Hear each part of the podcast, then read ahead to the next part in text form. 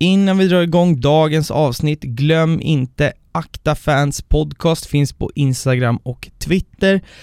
Glöm inte heller patreon.com slash aktafanspodcast.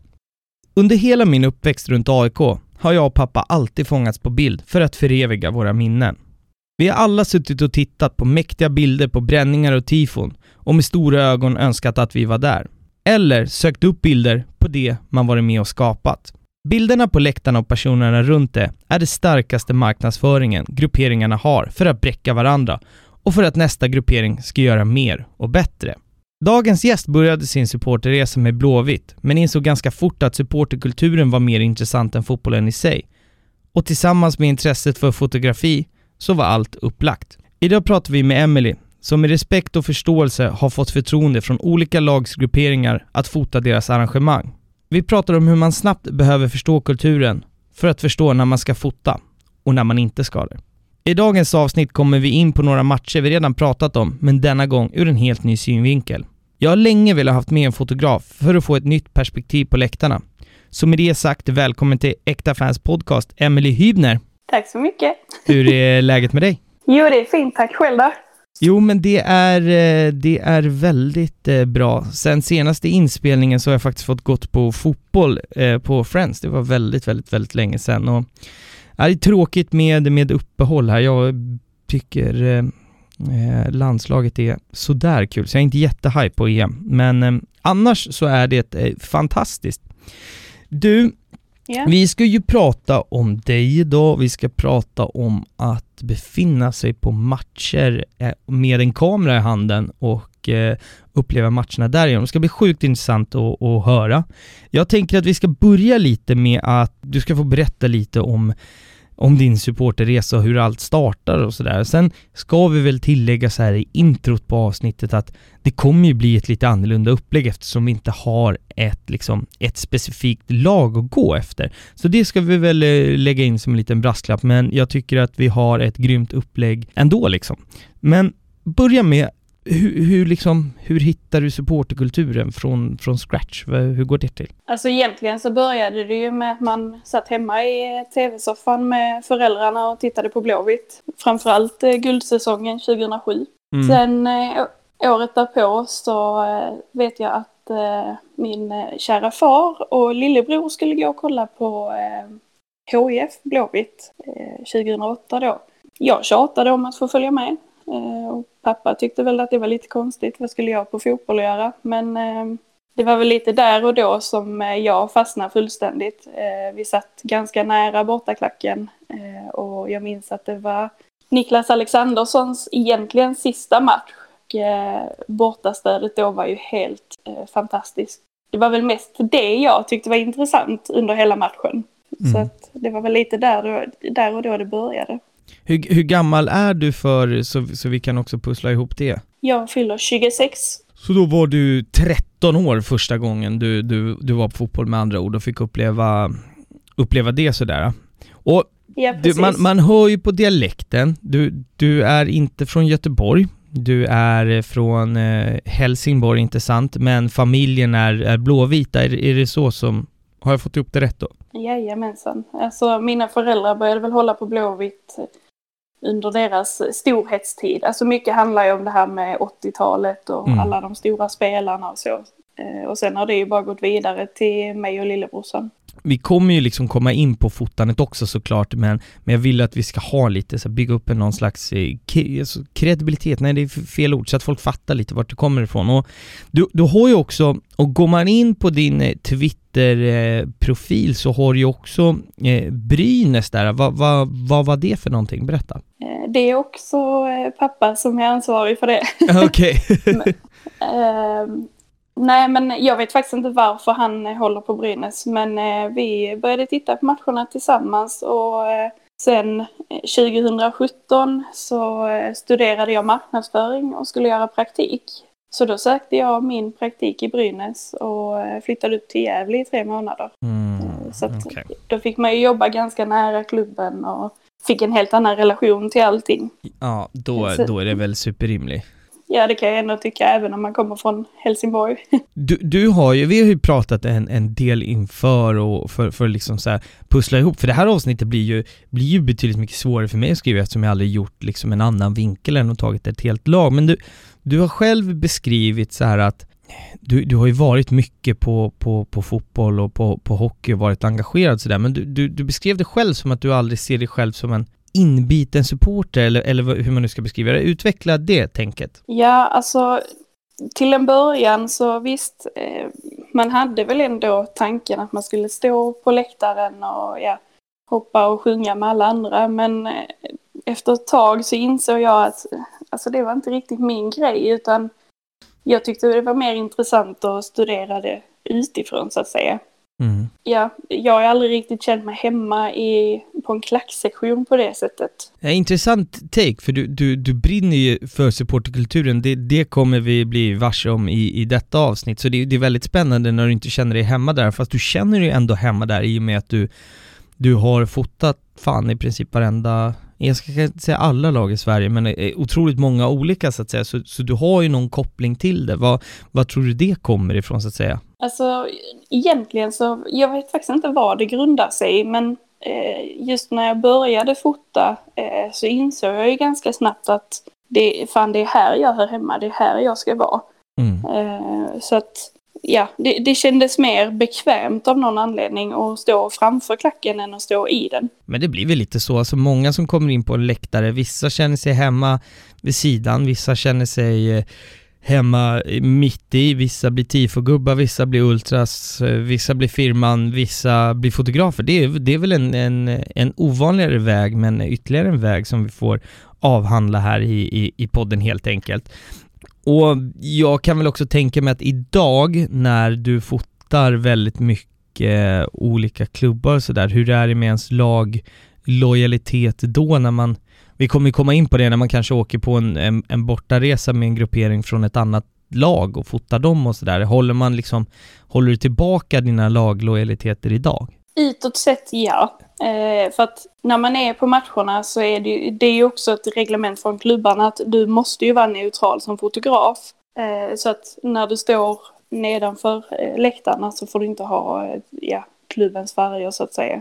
Mm, mm. Eh, och mycket handlar väl om den egna säkerheten där. Eh, men sen, ja, när man sitter hemma och tittar på matcherna så är det ju klart att då håller man inte tillbaka innan vi liksom tar med kameran på första matchen, så har du alltid varit intresserad av att fota sådär? Eller hur, kommer sig det intresset från scratch? Liksom? Eh, det började faktiskt på högstadiet. Vi hade bild som ämne och fick i uppgift att vi skulle fota. Så att jag hade aldrig gjort det innan och hade liksom ingen aning om någonting egentligen. Mm. Men det var ju då det började växa fram och sen Lillebrorsan har ju alltid spelat fotboll. Eh, så att då blev det ju att man började ju ta med sig kameran på hans matcher till att börja med. Mm. Eh, och sen har man ju bara lärt sig mer och mer. Berätta om, du, du går in på första matchen så har vi 2008 och du någonstans där, alltså, det går väl en tid och sen typ smugglar du med dig kameran in och och, och börja fota det. Vad var första reaktionerna när man står, för jag vet själv, hade jag plockat upp en kamera på några ståplats på Friends, det hade blivit, alltså folk gillar ju inte det, det är många kameraskygga människor. Hur var liksom första eh, reaktionen från, från folk runt omkring dig? Alltså just första gångerna satt jag ju på eh, sittplats med familjen. Mm. Folket runt omkring på sittplats hade ju inga direkta reaktioner eh, på det sättet huvudsakligen då så var det ju fotbollen jag fotade. Eh, mm. Visst, man tog någon enstaka läktarbild och så, men man hade ju fortfarande inte riktigt koll på allting kring, alltså, ja, supporterkulturen i sig. Mm, mm. Eh, så att även om man var imponerad av allting så förstod man inte alltid vad det var de gjorde. Mm. Nej, alltså i början så visst, folk har ju haft sina reaktioner för att som du sa, man är skygg, man vill inte bli fotad. Eh, framförallt inte om man håller på då med det som inte är helt lagligt. Mm. Men det har ju alltid varit så att har någon sagt ifrån då, då lyssnar man ju. Och det är väl därför som du är så pass omtyckt eh, som du är, att genom de åren där du har fotat så har du ju de facto lyssnat på folk. Därav äger den respekten utav eh, eh diverse ultrasgrupperingar som, som eh, väljer hela tiden att, eh, att fortsätta samarbeta med dig kort sagt sådär. Men jag tänker bara så här, vi, vi ska du fastnar ju ganska snabbt för, för eh, supporterkulturen kanske mer än vad Alltså fotboll är all ära, men du, du valde ju ganska snabbt att liksom rikta kameran istället för att fota med Alexandersson så valde du att fota kanske Ultras istället, eller läktarna och så vidare. Va, vad med supporterkulturen var det liksom som fick dig att, eh, att fastna? Jag är ju ganska uppväxt med det här med att man tittar på den engelska fotbollen på TV. Mm. Där är ju inte riktigt supporterkulturen på samma sätt. Då var man ju inte van vid det här med att folk står och sjunger i 90 minuter eller viftar med gigantiska flaggor och eh, det här med tifo, det hade man ju ingen aning om vad det var ens en gång. Så att just kreativiteten var väl lite det man fastnade för. Mm. Och sen att man märker ju snabbt också att utan supportrarna på plats, då är det ingen stämning. Nej. Det är liksom, då är det, då är det bara fotboll och det, alltså, då är det inte så intressant längre. Nej, så om man bara har fotbollen att jämföra med, om man kollar på Premier League och kollar på allsvenskan, om man tar bort vad som händer på läktarna, då är det fan en risig produkt om man nu får använda allsvenskan som pro produkt sådär. Men eh, lägg till eh, supportrarna och bra tryck på läktarna så då tycker jag, alltså personlig åsikt är väl att då tycker Allsvenskan är en mycket roligare produkt för det händer mer, eh, kort sagt sådär. Eh, men jag tänker vi ska studsa in på, på ett ämne här faktiskt och jag ska väl börja eh, här med att ge mig själv man säger MVG med extra plus i kanten. Jag vet inte vad underkänt med eh, extra minus i kanten, jag vet inte hur man, eh, hur jag ska uttrycka det där, men du är den, eh, den första tjejen som är med i podden, det är 32 avsnitt, det är för jävla dåligt, det är väl eh, så, så jag kan uttrycka mig. Jag har gått på, ofta så har jag fått tips och då har jag gått på dem. Och de har inte lett mig in eh, på någon tjej. Jag är jätteglad att, att, att, vi sitter här idag. Men det här leder mig in på, eh, på veckans rätt eller snett. Är du, eh, vet du hur det segmentet fungerar? Nej. Jag kommer egentligen eh, komma med ett påstående här. Eh, ibland mm. så är det lite drygt, ibland är det lite raljant, ibland det är bara en, här, en känsla jag har. Jag skjuter från höften här och slänger upp ett påstående. Sen är det upp till dig att bedöma om jag är rätt eller snett på det. Mm. Så att veckans rätt eller snett låter så här. Du känner ibland att du behöver vara bättre än killarna för att äga din respekt och slå dig fram. Rätt eller snett? Eh, ja, helt rätt faktiskt. Berätta om den eh, känslan. Alltså huvudsakligen så det jag upplevt är ju att eh, som tjej så har man inte samma respekt inom fotbollen för att eh, man märkte ju tidigt att mycket är så här, okej, okay, du är här för att titta på snygga killar. Mm. Det har man ju hört många gånger. Mm. Och eh, som fotograf så har man ju märkt att killarna där har ju haft ganska lätt att ta sig in ändå hos eh, supportrarna för att man tror att de har en annan förståelse. Varför skulle jag som tjej förstå vad supporterkulturen handlar om eller varför man använder pyro eller hela den här biten. Mm. Eh, så att det har ju varit alltid att man måste bevisa att man liksom kan sin grej ändå. Och det var, det var exakt det här jag, jag, jag, jag gissade på att det var. Mm. Jag är ju också som sagt, jag är uppväxt med supporterkulturen så länge jag kan minnas. Och, om, man, om jag går tillbaka, nu är jag några år äldre än, än vad du är, men om man går tillbaka, för det var inte jättemycket tjejer kanske tidigt 00 på, liksom, på, på ståplatsläktare, det har ju helt förändrats idag. Det finns mer, eh, mer tjejer än någonsin skulle jag säga. Jag kan ju bara utgå ifrån liksom norra stå i mm, AIK, men jag antar väl att det är så du som fotar mycket läktare runt om i hela Sverige, du har ju även varit utomlands och fotat och sådär, men jag antar att även du har sett en skillnad från när du började och vart du är liksom idag, eller? Ja, absolut. Alltså när jag började fota så var det ju knappt några tjejer på läktarna.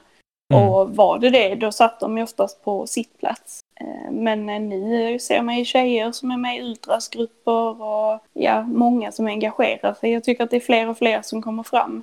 Mm. Eh, och det är ju bara bra. Man märker ju mer och mer tjejer som sätter sig i styrelser, till exempel för, eh, för officiella supportergrupperingar och så här, det blir allt vanligare och jag, jag som sagt, jag, jag är uppväxt med att det, det är en väldigt mansdominerad eh, värld, men jag har ju alltid med, med min farsa då sett de här sjukt engagerade och jävligt duktiga och driftiga tjejerna sådär som, som har varit med egentligen hela mitt liv, så för mig har det aldrig varit något no konstigt, men jag, hur är det överlag alltså och komma in som, som tjej. Vi har ju pratat lite om att du känner att du behöver vara, vara bättre och försöka äga, äga din eh, respekt sådär, men vad tror du, vilka skillnader är det om jag skulle börja fota och du? Vad händer liksom på, på plats eller bland människor? Eh, alltså för det första så eh, som kille så är det ju oftast lättare att komma in i själva grupperingarna. Eh, som, som jag sa innan så mm. då, man, man förutsätter att de har mer förståelse. Mm. Eh, någonting som jag ofta reagerat på är att killar tror att eh, när de ber oss att göra någonting så gör vi inte det. Ja, men jag vill inte bli fotad. Nej, okej. Okay. Men många, många har i det fallet riktat kameran mot individerna i sig ändå. Mm. Vilket gör att då tappar man också lite respekt. Såklart. Eh, men ja, alltså sen som kille så, jag vet inte, rent generellt så ska man väl ha mer koll på sporten i sig. Och det är ju en väldigt hård och tuff eh, kultur. Så att en liten försiktig tjej som då ska komma in och ta för sig, det, det finns ju liksom inte oftast. Har det varit en del i din drivkraft, alltså att, att fortsätta och gnugga med det här och utvecklas, att liksom så här, bevisa för dig själv eller för, för, för någon annan, fan vet jag, att så här, vet ni vad, jag har fan stenkoll på vad, vad jag snackar om och vad jag gör och jag, jag, jag slår de här snubbarna på liksom på näsan i, i nio fall av tio. Har, har det varit en del i din drivkraft sådär att eh, gnugga på? Ja, absolut. Alltså många gånger har man ju blivit eh, motarbetad. Eh, men sen har man ju bara gett sig fan på att men jag ska vara här. Mm. Ni har liksom ingenting att säga till om. Visst, ni kan komma med önskemål eller kritik, men jag tänker inte försvinna härifrån, utan mm. jag är ju där för att jag, jag ska göra min grej. Mm. Eh, så att absolut, det har ju aldrig hindrat mig egentligen. Med, med all rätt också. Och jag, jag, kan väl slänga ut det lite så till de som lyssnar. Det är ju, ibland så får jag tips när jag eh, får in eh, gäster. Ibland så är det folk som hör av sig själva. Och jag vill, det, det handlar inte om att Alltså att jag inte vill ha tjejer, det är bara tipsen, och, eller de som inte har hört av sig har inte lett eh, mig till rätt person så att säga. Så att hör av er. Jag eh, har, det här är ett viktigt ämne, jag tror någonstans i det, det jag gör här är ju för att försöka utveckla supporterkulturen och bryta mycket fördomar. Sitter du där ute, är du engagerad inom någon, någon eh, klubb, hör jättegärna av dig så, så ser vi till och eh, prata lite supportkultur. Det tycker jag är superintressant sådär.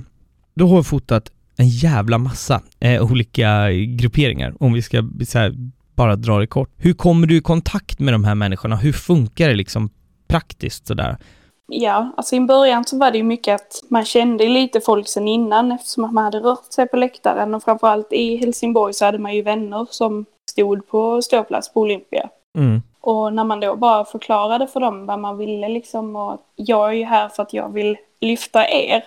Mm. Eh, för att just under de åren som jag har fotat HIF så har det inte varit så jättemycket engagemang just från media med att lyfta HIFs supporterkultur. Nej. Det finns ju eh, fantastiska människor på Olympias läktare som gör allt för klubben och eh, är värda att lyfta. Mm. Så att just när det gäller Helsingborg så har det ju varit att man har haft kontakt med vänner, visat dem vad man går för. Sen har man lagt ut sina bilder och märkt att okej, okay, folk börjar höra av sig lite från olika grupperingar. Mm. Eh, ibland har man även frågat rakt ut eh, vilka som är, alltså oftast är det ju alltid någon typ huvudansvarig i grupperna har jag upplevt i alla fall. Mm. Eh, och eh, då frågar man ju rakt ut vem det är och eh, hör lite med dem. Ja men vad tycker ni? Va, alltså känns det som att det är okej? Okay? Vad vill mm. ni jobba med? Vill ni ha bilder? Vill ni inte ha bilder? Alltså mycket så här. Det, hur har det varit förresten när du har ett, vi, vi har pratat om att du har dina Eh, lagtillhörigheter finns i Göteborg men sen har du bott i Helsingborg och du har ju jättemycket och det kommer vi att komma tillbaka till också att mycket av de liksom stora matcher och många händelser har det blivit på Helsingborg. Har det blivit konstigt för dig på något sätt att liksom mm, att, att fota Helsingborg så mycket när det egentligen inte är ditt lag? Eller är det bara en konstform och då spelar det inte så jävla stor roll? Eller hur känns det? Eh, första åren var det lite så. Ja men vad fan, det kändes inte rätt. För att började ju ändå med att fota Blåvitt och det var ju där jag började med hela engagemanget egentligen. Mm, mm. Eh, sen 2014 eh, så bestämde jag mig för att jag skulle börja fota HIF lite mer. Jag tänkte att jag bor redan i Helsingborg, det är nära till matcherna, varför inte? Mm. Eh, och då fick jag ju förtroendet av HIF även om jag inte hade någon uppdragsgivare.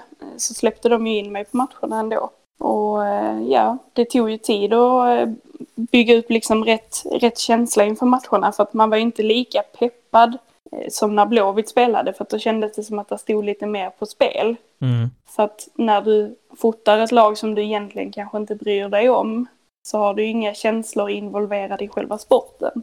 Men det kan väl vara också en positiv grej att, att man har mer fokus på, på det man ska göra, förstår du vad jag menar? Alltså, det är som, jag kan bara dra för mig själv, skulle jag fota Djurgården och Hammarby, ja men jag skit, alltså, jag skiter väl i dem. Jag, alltså då, då hade jag lagt mer fokus på, på att på fotandet. Hade jag fotat AIK till exempel, jag hade inte koncentrerat mig en sekund. Nej, jag förstår det. Men eh, ja, alltså absolut. Det var ju mycket där jag insåg att fan, jag kan ju fota fler lag. Eh, för att jag skiter ju i om matchen slutar 2-1 till HIF eller om de får storstryk. Mm. Det spelar inte mig någon roll, men känslorna finns ju på läktaren. Det är ju där allting händer. Mm. Egentligen. Men så egentligen, du bygger upp ett namn via sociala medier, fan vet jag, du lägger upp eh, du lägger upp dina bilder, kontaktar folk och säger det här har jag gjort på den här läktaren, är ni sugna på att bli fotade också? Är, är, är jag rätt på det då? Ja, mycket av det har ju varit så. Ja, eller att de kontaktar dig för den sakens skull. Ja, precis. Det finns, jag antar ju här, alltså att det finns hur många så här do's and don'ts, alltså koder. Berätta lite om så här, det här får man inte göra. Hur, hur jobbar du runt det liksom? Du, du har väl bättre koll på det här än de absolut flesta? Jag gissar på. Uh, ja, alltså det absolut största misstaget man kan göra är ju att dels fota en gruppering utan att du har liksom pratat med dem för att det kan slita väldigt, väldigt fel. Mm. Eh, och som, som vi har sagt innan, de är kameraskygga, de gör en grej på läktaren som kanske inte alla tycker är helt okej. Okay, eh, mm. Vilket man kan förstå. Och då vill de ju inte synas, de vill inte bli liksom material för någon brottsutredning när det gäller eh, ordningsstörighet eller vad det nu kan vara. Nej. Och där är det ju viktigt att liksom visa respekt för det. Och man har ju sett exempel på fotografer som inte har gjort det. Alltså jag har ju lärt mig det den hårda vägen också att man går inte för nära. Är det så att någon ifrågasätter en när man står där med kameran. Mm. Förklara varför du är där, förklara vad du vill göra. Är det så att de kräver att de vill se bilderna eller att du måste radera dem, gör det. Det är onödig konflikt att ta kanske? Absolut. Alltså de har ju, de har mer makt än vad man tror när det gäller sånt. Folk, folk man orkar bara inte bråka med dem typ, eller hur? Visst är det så? Ja, men lite så är det ju faktiskt. Alltså det är väldigt sällan man vill se en konflikt.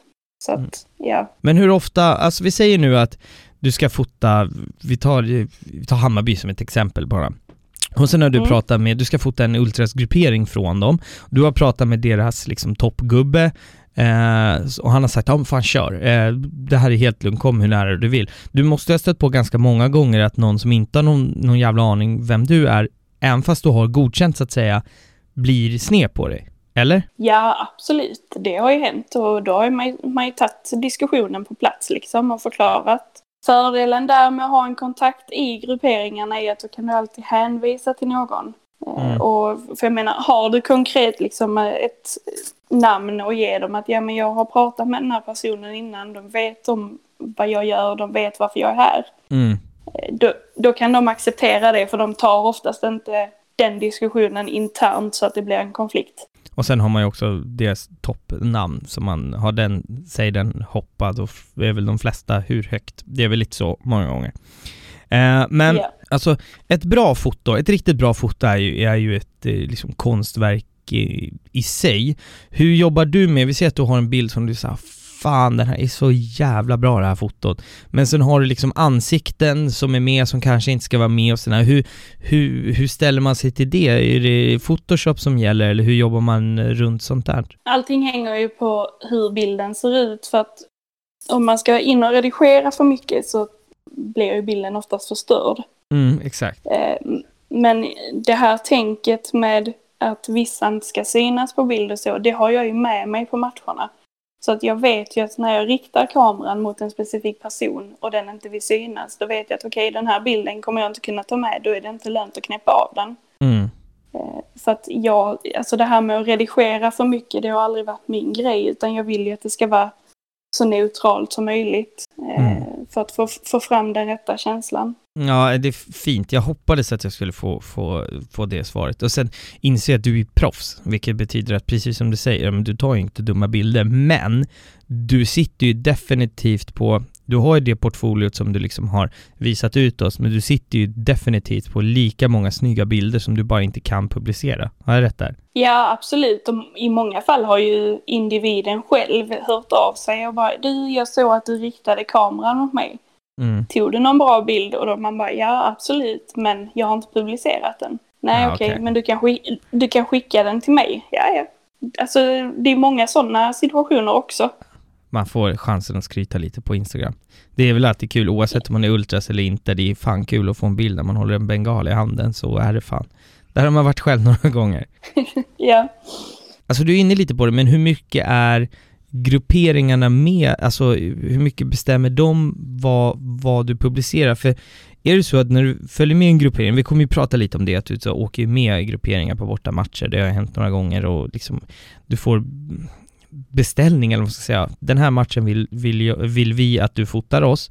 Hur mycket är de med i vad och vilka bilder du får publicera i dina egna kanaler? Förstår du frågan? Ja, absolut. Eh, väldigt mycket måste jag ändå säga. Mm. Eh, för att oftast när de hör av sig så kan det ju vara att de har planerat en bränning eller att de ska hålla upp en banderoll eller vad det nu kan vara. Då har de ju specifika önskemål. Eh, på vad det är som gäller. Och oftast eh, så har det varit så att jag har skickat bilderna till dem innan publicering så får de ju godkänna vilka som ska ut och vilka som de fortsätter ha internt. Mm. Och det har ju alltid varit viktigt för mig. Jag har aldrig haft några problem med att bemöta det och det är ju samma sak när de har hört av sig och sagt att vi vill inte synas på den här matchen. Mm. Då, då köper man ju det bara rakt av mm. och tar liksom tillfället i akt och lyssna. Man kallar ju dem uppdragsgivare, för, för det är det det blir. Eh, sådär. Hur, alltså jag vill mer komma in på så här, hur fan går det till? Ni, ni har bara en, en typ en konversation på, på Instagram och sen säger de okej, okay, de, de känner igen ditt ansikte så åker du dit och fotar dem, eller? Alltså hur, hur funkar det? Hur mycket kontakt har man med dem och, och så vidare? Alltså, jag har ju alltid haft oftast en, en central uppdragsgivare som har täckt upp för alla matcher jag fotar under en hel säsong. Mm. Eh, som 2019 samar, samarbetade jag ju med eh, Fotboll Direkt som var uppdragsgivare för alla matcher. Mm. Och eh, sen har, har man ju skött allting med grupperingarna sidan om. För att ofta så har ju inte klubbar accepterat om du skickar in en ansökan om att fota en match. Till exempel ett eh, Stockholmsderby. Mm. Och du skriver i din ansökan att du har en ultrasgruppering som uppdragsgivare. Det är inte uppskattat. Nej, okej. Okay. Nej, då blir de inte superlyckliga. Då, för att, vi kommer komma in på det också, men man behöver ju ha me, vad är mediaackreditering, heter det så? Precis. Men okej, okay, så att vi, vilka uppdragsgivare har jobbat med? Jag vet inte om sånt är hemligt eller ba, bara om vi kan klämma Fotboll Direkt, det har vi din, din stor webbsida. Har du några andra som om man pratar tidningar eller, eller sådär som du har jobbat med? Eh, just nu så i och med att det inte är så jättemycket fotboll så eh, har jag ju bara Skånesport som täcker matcherna som spelas här uppe. Mm. Eh, men sen tidigare så har jag ju samarbetat med Bara Ben som var en stor blogg för Blåvitt för några år sedan. Mm. Är det fortfarande. Sen gick jag över till BB-podd som var två killar som, eh, ja, de kom ju från bara ben från början och så startade de ju en podd. Mm. Eh, och frågade mig om jag ville hänga på då så då blev det ju att då fotade ju för dem och slängde ut bilderna på sociala medier. Och sen även Bakgatan som skrev om HIF. Så att man har ju haft en ganska, ganska stor variation ändå på uppdragsgivare. Mm. Men är det så att åker du också på matcher helt bara på så eget bevåg? Typ så här, fan det här är en kul match, jag drar dit och fotar. Eller är det alltid genom uppdragsgivare? Eh, uppdragsgivarna har ju bara backat upp, sen har jag ju valt själv eh, vilka matcher och eh, allting.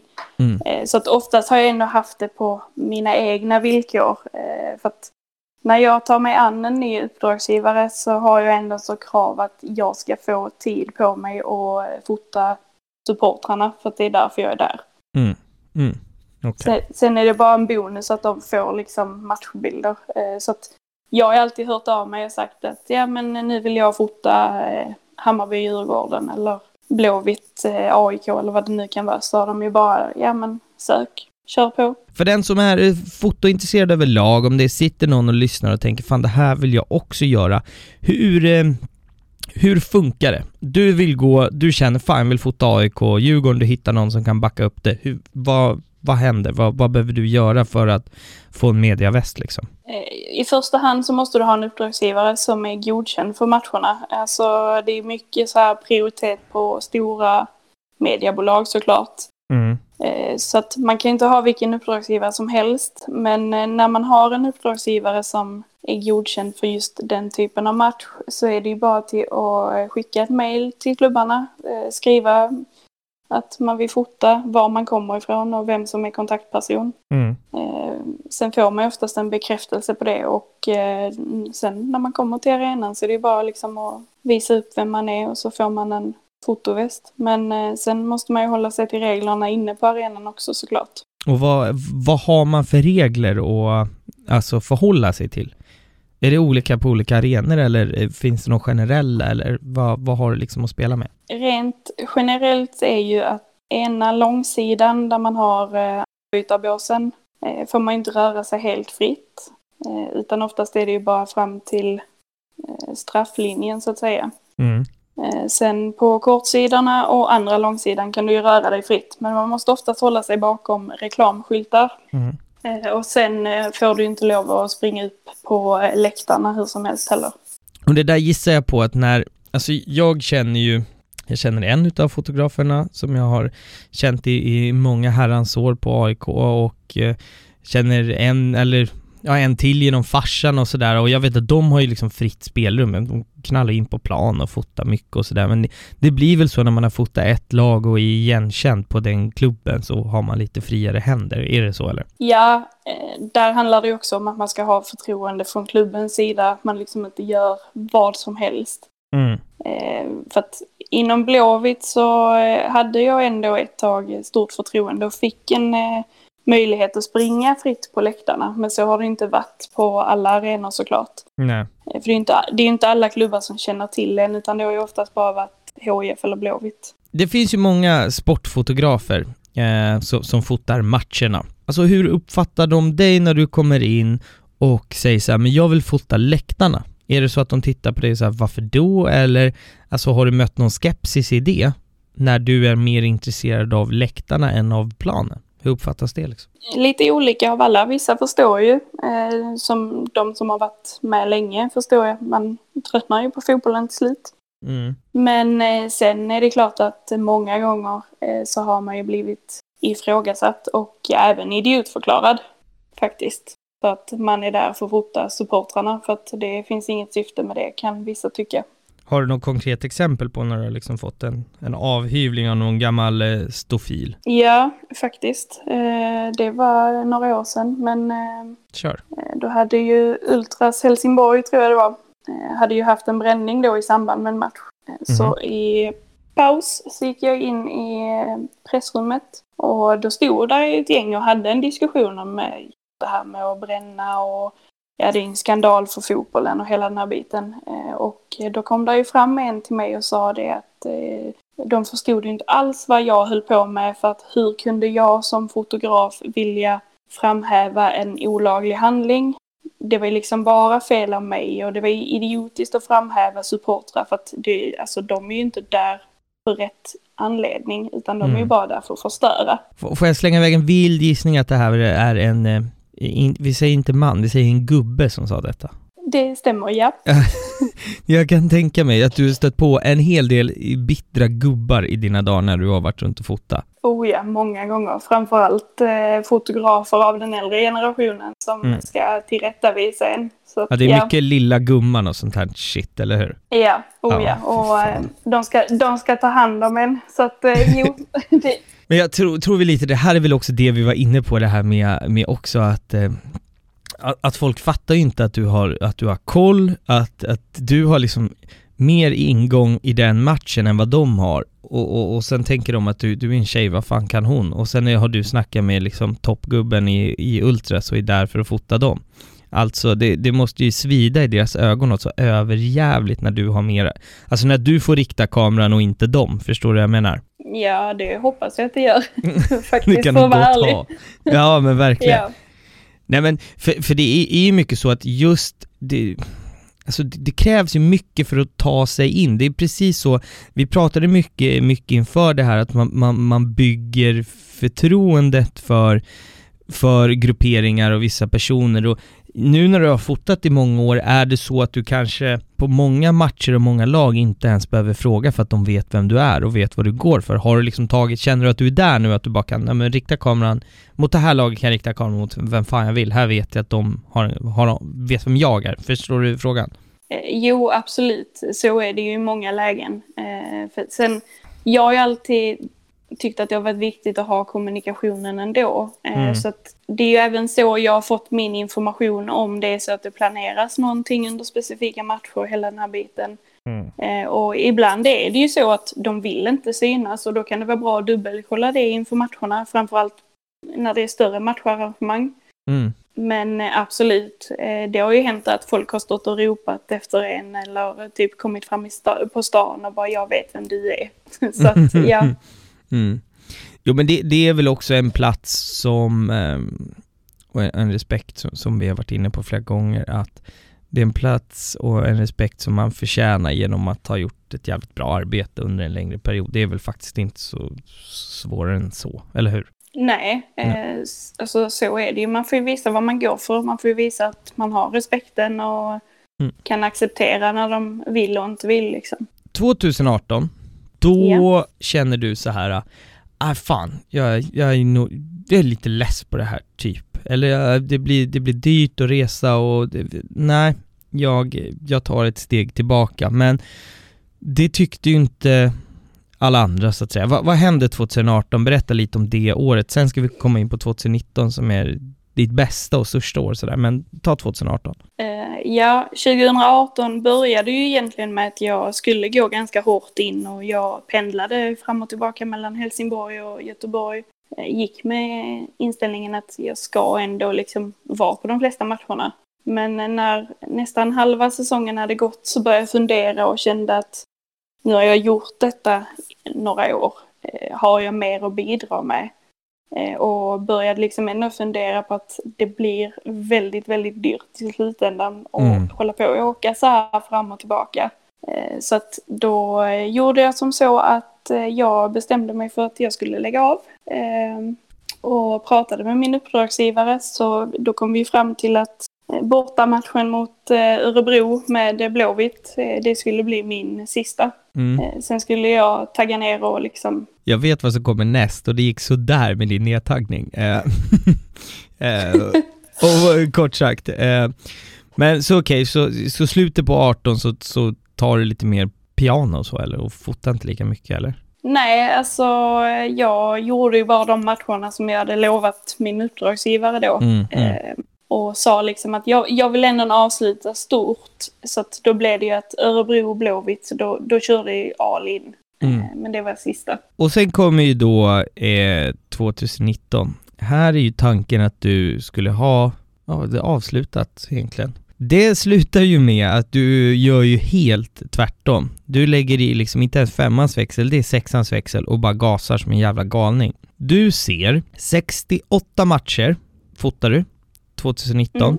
Du är i, från Trelleborg till Östersund du är från träningsmatch på försäsongen till Europa League på, på Parken. Du gasar där. Vad, vad hände? Vad fick dig att liksom ändra dig här? Då? Alltså jag hade en lång diskussion med eh, dels mina föräldrar, men även eh, nära vänner och en del eh, av grabbarna inom HIF mm. som sa liksom att ja men vi behöver fortfarande dig, hette det ju då att jag skulle fortfarande vara med och lyfta HIFs supporterkultur var ju tanken. Mm. För att eh, HIF har ju en del fotografer på plats men det är ingen som är benägen att liksom ta sig an utmaningen med att lyfta supportrarna överhuvudtaget. Eh, så att ja, jag sa väl att okej, okay, jag kan väl köra på ett tag med bara HF, men mer än så ska det inte bli. Och, eh, och HF eh, spelar ju inte 68 matcher den här året, så är det ju. Nej, det gjorde de inte.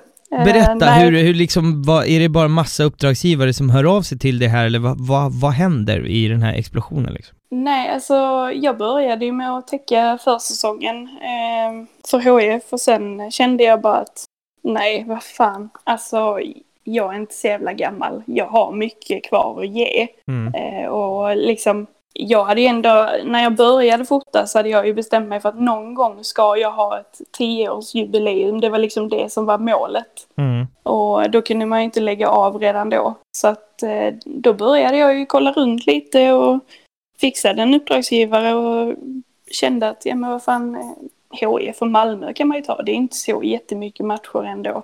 Och desto fler matcher det blev, desto mer fick jag ju mer smak för allting. Och mm. min uppdragsgivare som var Fotboll Direkt, de hade ju godkännande så att jag kunde fota i princip vilken jävla match jag ville. Men hur funkar det med, eh, alltså, pröjs och sådär? Är det då att du skickar typ tågbiljetten och en hotellnatt till Fotboll Direkt och sen bilderna dit, eller hur funkar det där, liksom det ekonomiska bakom? Nej, jag betalar allting själv. Eh, så att jag hör av mig till eh, Fotboll Direkt, säger att jag vill fota, eh, till exempel jag hade en vecka där jag körde fem matcher. Mm. Och då var sista matchen i Östersund. Eh, okay. och jag sa ju bara då att jag, jag kommer köra på dessa matcherna den här veckan. Eh, ni får bilderna samma kväll som matchen har spelats. Eh, mm. och Sen var det inte mer med det. Jag bokade tågbiljetter och hotell och läste allting själv. Allt för att få fota liksom. Och sen får man lösa den ekonomiska och tjäna pengar på det, det, det får man liksom ordna själv på någon vänster eller? Eller säljer man bilderna till dem eller? Jag försöker bara förstå hur det funkar liksom. Nej, under mina år som fotograf så har jag alltid eh, jobbat ideellt. Eh, mm. Med anledningen av att eh, jag vill inte tjäna pengar på någonting som någon annan gör gratis. Mm. Eh, och dessutom så är det ju så att alltså, grupperingarna lägger ju också någonstans sin själ och passion och sin ekonomi i detta när de håller på med tifo, de åker på resor på samma premisser som jag gör. Mm. Eh, vi drivs ju lite av samma sak även om jag är där för deras skull och de är där för klubbens skull. Mm. Så att just det här med att ha en uppdragsgivare som betalar för mig har aldrig riktigt varit aktuellt. Eh, sen du får någon rysningar enstaka... av det här alltså. Ja, fortsätt.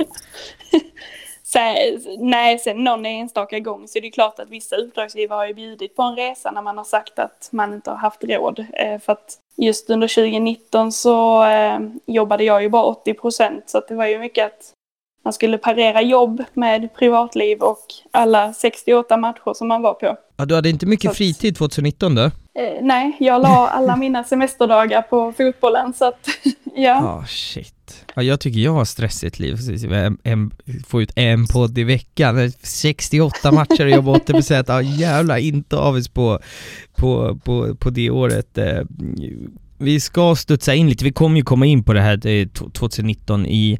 Det blir ju ett lite annorlunda away days eh, idag sådär, eh, när vi kommer ta speciella matcher och har, har eh, fotat och sådär, men jag, jag vill att vi ändå, vi ska stanna lite där vi är. Du har ju åkt på en hel del matcher liksom med, med grupperingar som du, so, som du ska fota på en bortamatch. Vi säger att du ska då eh, Helsingborgs Ultras gubbar vill ha med dig på en bortamatch. Hur, hur funkar det? Åker du med dem då? För som jag har förstått så har du liksom åkt borta buss med dem någon gång och sådär. Så hur, hur funkar det när uppdragsgivaren i fallet blir liksom en, en gruppering och när du kanske inte har fotboll direkt på samma sätt i ryggen utan det är grupperingen som vill ha med dig så att säga? Alltså jag har alltid varit öppen för allting. Alltså så länge jag kan ta mig till matcherna så är jag nöjd.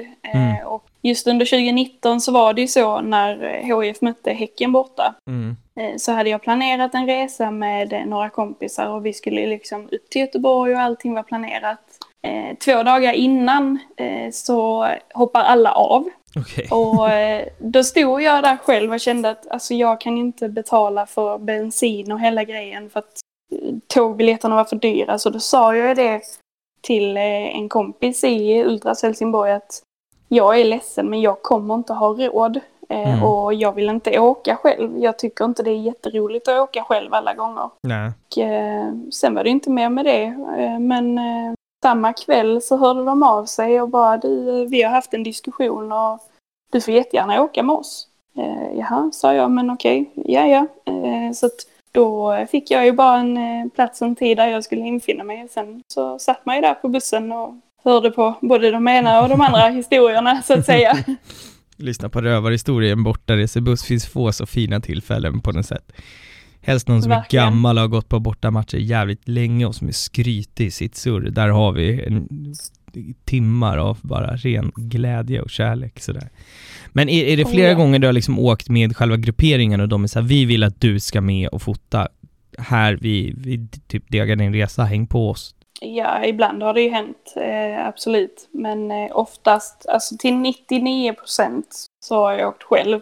Mm. Eller typ om man har haft eh, någon enstaka vän som ska ut. Mm. Eh, man har ju inte så jättemånga tjejkompisar som är involverade i fotbollen eh, på samma sätt. Nej. Eh, så, så, att oftast har det varit att när man ska åka iväg så har man ju fått myta sina vänner med annat för att de ska följa med.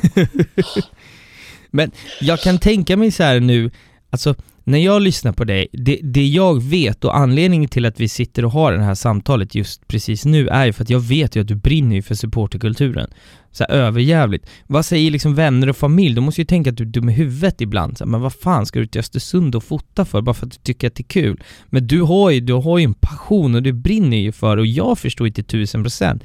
Jag på ett sätt skulle också kunna åka till Östersund bara för att uppleva liksom, ja, supportkulturen för jag tycker det är häftigt och brinner för det. Men hur har reaktionerna så där varit från så här, vänner och familj? Till en början så var det ju lite sisådär. Alltså visst, mina föräldrar förstod ju att jag ville åka till Göteborg eh, för att det var ju Blåvitt liksom. Mm. Men eh, när de fick höra sen att jag skulle åka till Östersund för att fota HIF. Alltså, det låter inte som en jättesexig match för att vara ärlig. Eh, Nej.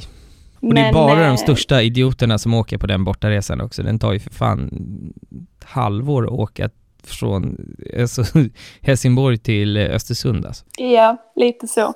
Men eh, just eh, samma vecka som den matchen spelades så fick jag ju reda på att eh, då skulle ju, om inte jag minns fel, så var det Hammarby-Djurgården på söndagen och sen var det ju då Östersund HF på måndagen.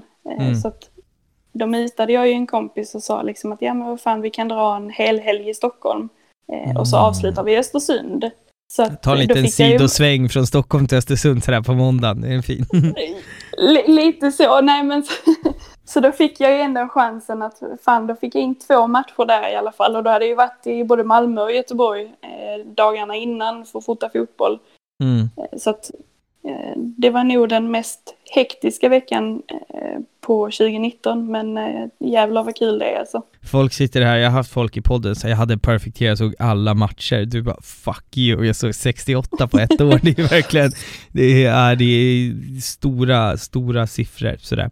Jag tänker att vi ska eh, studsa in lite på, det blir ju veckans away days, det, det, blir ju lite annorlunda koncept på det, men vi har några liksom intressanta matcher där du har gått som, som fotograf. Några av matcherna har vi varit inne och nudda på eh, sen tidigare. Eh, jag får be om ursäkt till, till alla helsingborgare att vi fortsätter hamna i den här, den här matchen, men jag tänker att vi ska starta med, eh, vi är på Olympia och eh, Helsingborg möter HBK, vi har pratat om det i tre avsnitt hur matchen går, men hur är det att stå som, som fotograf när planen blir stormad när Helsingborg har åkt ut? Vad, vad har du för position? Ett, är du nära det här och mm, liksom, slänger man upp kameran då eller hur, vad är känslan? Eh, jag stod faktiskt, till att börja med så stod jag ju nedanför klacken, för det gör jag ju nästan alltid när jag är på mm. Olympia. Sen fick jag ju då en rekommendation av en publikvärd att de kommer nog att liksom göra någonting om det är så att matchen går åt helvete.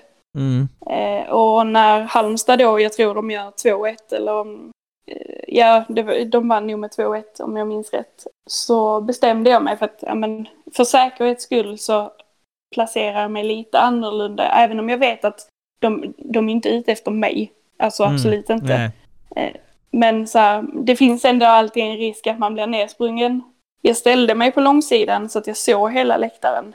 Eh, och så när de började röra sig ner för trappan och skulle in på planen och så. Eftersom att jag dels förstår deras frustration och sen även har respekten och inte vill bli någon måltavla för att man har hängt ut någon så eh, valde jag att inte fota så jättemycket under just det ögonblicket. Nej. Eh, och verkligen inga närbilder heller. Det finns någon enstaka bild som jag har tagit från den matchen just i det sammanhanget. Men blir Men man inte, inte speciell, speciellt i det läget, är det inte då man vill fota? För jag tänker så här, nu gör du ju det här ideellt för att du brinner för supportkulturen, men finns det inte någonting i dig som bara fan, här jag kan ha första sidan på Aftonbladet här imorgon, nu knäpper jag den här jäveln. Alltså, får man aldrig den känslan? Jo, många gånger, alltså eh, såklart, man vill ju ändå synas och slå sig igenom som fotograf, men mm. Eh, för mig så känns det som att det är en väldigt onödig risk och just när det kommer till supportrarna så anser jag att deras respekt och förtroende gentemot mig är viktigare än en framsida på en stor tidning liksom. Det där citatet är anledningen varför just du sitter här idag. Fantastiskt. eh, återigen, får, eh, får rysningar i, i, i kroppen av att höra det faktiskt. Men det måste ju varit speciellt annorlunda eftersom du hade följt speciellt HF väldigt, väldigt länge då. Eh, jag gissar ju på att de kommer ju ner maskerade, men du vet ju precis vilka människor det där är bakom masken, eftersom du både är uppväxt i Helsingborg och har fotat dem så mycket. Det måste ju varit en jättekonstig känsla att stå där va? Ja, eh, det var det ju. Alltså man har inte varit med om så jättemånga stora skandaler på det sättet om man nu ska uttrycka sig så. Nej. Eh, men, men Ja, det är klart. Man visste ju vilka som eh, begav sig ner mot planen. Eh, men det finns ju liksom aldrig en chans att man skulle uppge några namn. Alltså Nej, aldrig men någonsin. såklart. Nej. Nej, men och då eh. hade du gjort det så har ju allt det du har byggt upp i form av förtroendekapital, det kan du ju rasera på en dag. Och även fast du får en första sida på Sportbladet så kanske du aldrig får fota igen. Det är väl inte svårare än så egentligen. Nej, precis. Vi har ju en annan match på, på Olympia. Det är lite på ett sätt lite liknande. Det är eh, eh, Helsingborg mot Djurgården. Du är in där och fotar. Det tragiska där eh, Myggan går bort eh, inför händer i den premiärmatchen om jag kommer ihåg rätt så eh, Djurgården hoppar in på planen i, i, en protest där de vill att matchen ska avbrytas på grund av det som har hänt. Hur var den upplevelsen att stå liksom när, när det väller in djurgårdare sådär, för de har ju mindre koll på vem du är också. Ja, och detta var ju mitt eh, andra år som eh, fotograf, så att då var man inte så superinsatt i allting och eh, som sagt, man hade ju inte hunnit att bygga upp någonting då, mer än gentemot HIF och Blåvitt. Mm. Men egentligen hela den helgen så kände man ju av att det var ändå en stämning av att någonting skulle gå jävligt fel. Men eh, jag tvekade ju många gånger eh, för om jag skulle fota matchen just av den anledningen att det var ju så fruktansvärt många Djurgårdar nere. Eh, mm. Och det hade varit stökigt redan dagen innan matchen.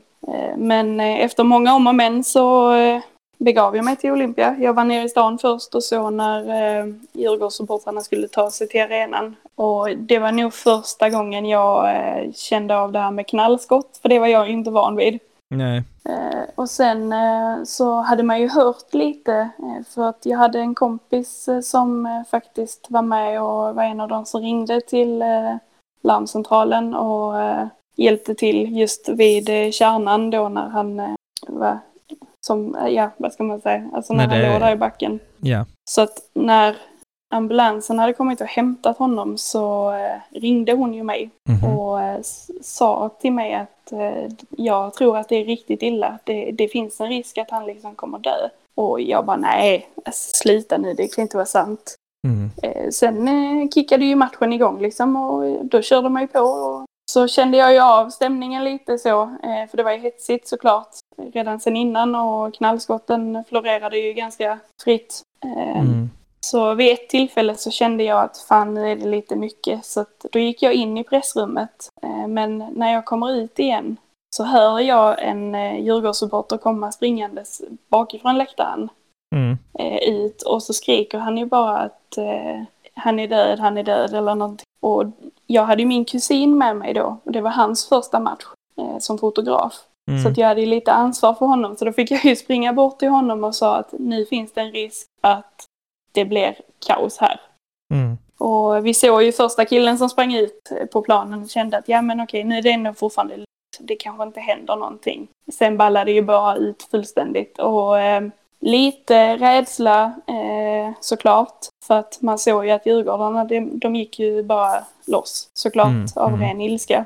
Eh, och eh, precis innan de stormar in på den sidan där jag sitter mm. Eh, så eh, jag blev ju typ handlingsförlamad av ren chock eh, över allting som händer. Så då kommer det ju två eh, ordningsvakter och sliter upp mig på läktaren för att de inte ska springa ner mig. Ja, okej. Okay.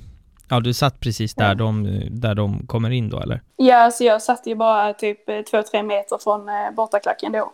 Ja, okej, okay, okej, okay. jag fattar. Ja, eh, återigen, vi passar på att säga det, eh, otroligt eh, tragisk händelse. Eh, och det är alltid tråkigt när, när, när sådana här saker händer och vi, återigen, vi har pratat om det här, den matchen också i två, två eh, avsnitt tidigare, men vi skickar en Eh, kärlek till, eh, till Djurgården och till eh, Myggans eh, familj och nära och sådär. Vi, vi har en annan match där som är Elfsborg-Helsingborg. Det här är 2019. Det här är under ditt monsterår där. Ja. Hamnar du i rabalder med vakterna som undrar vem fan du är? på Borås Arena. Berätta om det. Eh, jo, jag hade ju fått information av eh, Ultras Helsingborg då att man eh, skulle ha en banderoll och eh, då även bränna eh, i samband med matchen. Mm. Eh, jag fick även alltså så här exakt matchtid när det var dags liksom. och då stod jag ju framför bortaklacken precis som vanligt, pratade med många av dem och så. Det var ju liksom inga konstigheter. Mm. Eh, och sen smäller de ju av eh, första bengalerna och då står jag ju ganska nära. För att det var ju lite det vi ville, alltså det var ju det vi var ute efter. Mm. Vi hade ju plan planerat liksom var vi skulle stå vid olika tillfällen och man har ju lärt sig hur lång tid eh, de här bengalerna brinner och allting så. Men eh, när jag står där så kommer det fram en vakt eh, som anser att jag har ingenting där att göra. Eh, utan jag får ju liksom backa. Eh, och syftar då först och främst på min säkerhet.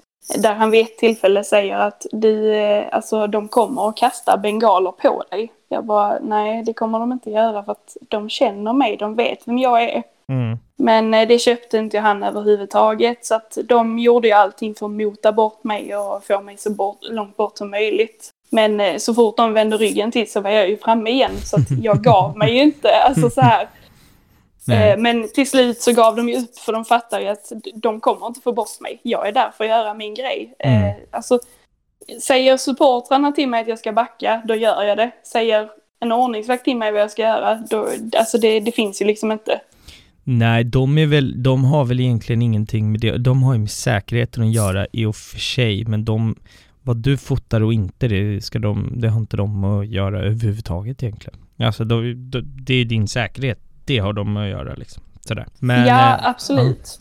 Ja. ja, fortsätt. Men i många, alltså, i många sammanhang när det har varit lite större matcher så har man ju fått information eh, ibland av polis och ibland av eh, klubben själv. Eh, jag vet till exempel inför eh, Blåvitt Malmö för några år sedan så var det ju no några som sa till oss att stå inte under Malmöklacken för att i början så kommer de att bränna. ni gör som ni själv vill men det är på egen risk. Och det är lite det jag kan tycka också, att du har ju ett eget ansvar. Jo, absolut. Sen, sen är det så att det var din första match och du inte riktigt fattar vad som pågår uh, och ställer dig fel, alltså det är väl en sak. Alltså fattar du, om jag skulle gå och fota och om jag skulle fota Helsingborg till exempel och har ingen aning om vad fan som pågår, eller man är ny som fotograf liksom, då, då kan man ju hamna snett, men vet man vad det handlar om, då är det ju tvärlugnt liksom. Ja, absolut. Alltså, det är klart att man var nervös första gångerna och man frågade ju många. Jag vet att jag har ju hängt på många fotografer under årens gång. Mm. Eh, när man har varit på nya arenor och inte riktigt känner till allting och så här. Eh, men oavsett så är det ju fortfarande eget ansvar lite. För att har man koll på supporterkulturen sen innan så vet man vad som kan hända i olika situationer. Men det är väl exakt samma som om någon äntrar ståplats. Alltså du, du, man, man vet vad som kan hända inne på ståplats och det får man bara leva med. Alltså om, om man ska stå där och det är väl exakt samma princip för dig. Du har ju eh, koll på vad fan som händer eh, och många gånger så är du ju uppmanad att stå precis där. Sådär, så då, då är det väl inga konstigheter överhuvudtaget. Vi har två matcher kvar. Du, du mm. under eh, ditt, dina, liksom din session, du inte bara i eh, Östersund till Trelleborg, du åker ju trots allt utomlands också. Du fotar FCK MFF. Det måste varit ett jag vet inför att det var ett jävla hatmöte om vilka som var liksom så störst i Norden eller vad det var. Hur var den eh, upplevelsen? Till att börja med så har jag aldrig varit så nervös någonsin. var, var, men, vad var det som skrämde upp dig då, så att säga, eller gjorde dig nervös? Nej men dels att Visst, man hade ju varit i Köpenhamn, men man hade ju aldrig varit på parken. Alltså så, man känner ju till den danska fotbollen ganska väl eftersom man ändå inte bor jättelångt därifrån. Man hade ju lite koll på FCKs grabbar sedan innan. Eh, mm. För att de har ju haft en gammal koppling till HIF. Mm, just det. Men eh, man kände ju inte till arenan. Jag hade ingen aning om var man fick befinna sig. Jag visste ju inte alls hur klubben jobbade. Alltså ingenting sånt. Mm. Så det var ju ganska okänd mark. Mm. Eh, men sen, ja, man är inte jätteduktig på danska heller. Och danskarna är inte jätteduktiga på engelska så att säga. Nej. Men eh, nej. Ja, men det har varit en jävligt väl... mäktig match att fota alltså. Bra tryck på, på läktarna där. Ja, oh ja. Eh, alltså sjukt imponerad av eh, FCK. Vet att många inte tycker om varken FCK eller deras supportrar, men eh, får jag chansen så absolut, då kommer jag göra det igen. Och det vi ska tillägga här innan vi hoppar in på den sista matchen, att såklart, jag tror ingen, alla har väl fattat det som brukar lyssna på podden, men Såklart så kommer vi dundra upp med en väldans massa bilder på, på mm, um, Aktafans podcast på Instagram och Twitter där, där du får liksom ta vi kör ett litet best of eh, sådär, så ska vi ju få upp mycket av bilderna, och speciellt de här bilderna som, eller de här matcherna så att säga, så som vi, vi pratar om. Och gissningsvis, om jag bara får gissa så kända bilder från några av de här matcherna har folk redan sett så kommer folk bara åh fan var det du? Liksom. Lär väl bli så. Förhoppningsvis. Ja. Eh, sen har vi en sista, det är Wolfsburg också. Är det borta i Wolfsburg då, så bränner till Tyskland eller är det MFF Wolfsburg på, i Sverige? Både och, faktiskt. Okej, okay, okay, vi tar eh, borta, bränner till Tyskland och fotar, hur var den upplevelsen? Den måste ha varit sjukt mäktigt ju. Ja, eh, Såklart ju... både och för övrigt. Alltså, vem, vem, vem pratar jag med? Klart det var på båda. Ja, eh, ja precis. Ja, fortsätt. eh, nej, eh, alltså som, som fotograf så har man ju alltid sina små drömmar så att säga. Eh, mm. Och eh, kliva in på en tysk fotbollsarena har ju alltid varit det. Eh, för att man är ju uppväxt med fotbollen och framförallt då eftersom man, man har tysk släkt. Mm. Så det har ju alltid kombinerats liksom. Så när man fick se lottningen och att Eh, Malmö FF skulle möta Wolfsburg, då var det liksom bara att börja planera. Eh, det, det fanns ju liksom inte en chans att man skulle missa det. Nej. La jag ut på Twitter och frågade om folk skulle ner och um, om någon hade plats. För att jag tänkte att jag kan inte ta mig ner själv. Nej. Och då fick man ju lite förslag och sen så var vi ett gäng som körde ner till Tyskland och ja, dit och hem på samma dag. vilket ah, okay. var lite kämpigt.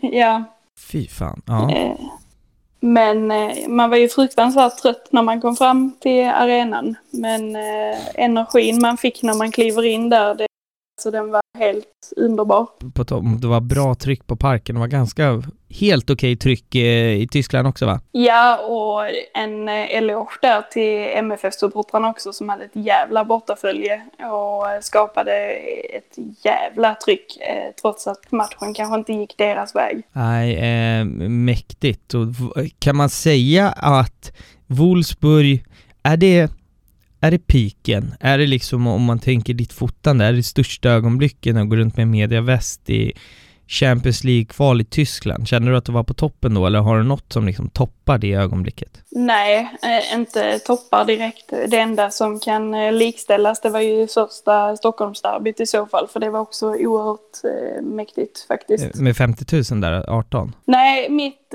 första Stockholmsderby Jaha, första, var, första. Jag trodde du sa största, det var därför. Nej, första. Eh, det var cupderbyt eh, mellan eh, Bayern och Djurgården. Jag tror inte ens att arenan var fullsatt då. Men Nej. det var ju en speciell känsla för att man har ju varit på Skånederby och man har varit på Göteborgsderby, om man nu ska kalla det för Göteborgsderbyn, när de möter Häcken. Men mm. eh, detta var ju liksom en helt annan grej. Och att sen då få eh, vara med när AIK mötte Djurgården också då i, jag tror det var i september 2019. Mm. Den, den var riktigt sjuk. AIK vinner med 1-0 där, när Djurgården i princip kunde säkra guldet i omgång 22 om de vann mot AIK, men AIK stretade emot, sen vann de med gulden då. Men den minns man. Där var man. Ja. Det finns eh, ruggiga videos på mig efter den matchen, det är ett annat, eh, ett annat avsnitt, men eh, mm, ja, den, den minns jag mycket väl. Det var jävla liv på den matchen. Oh ja, det, ja, man gick ju med konstant rysningar i 90 minuter.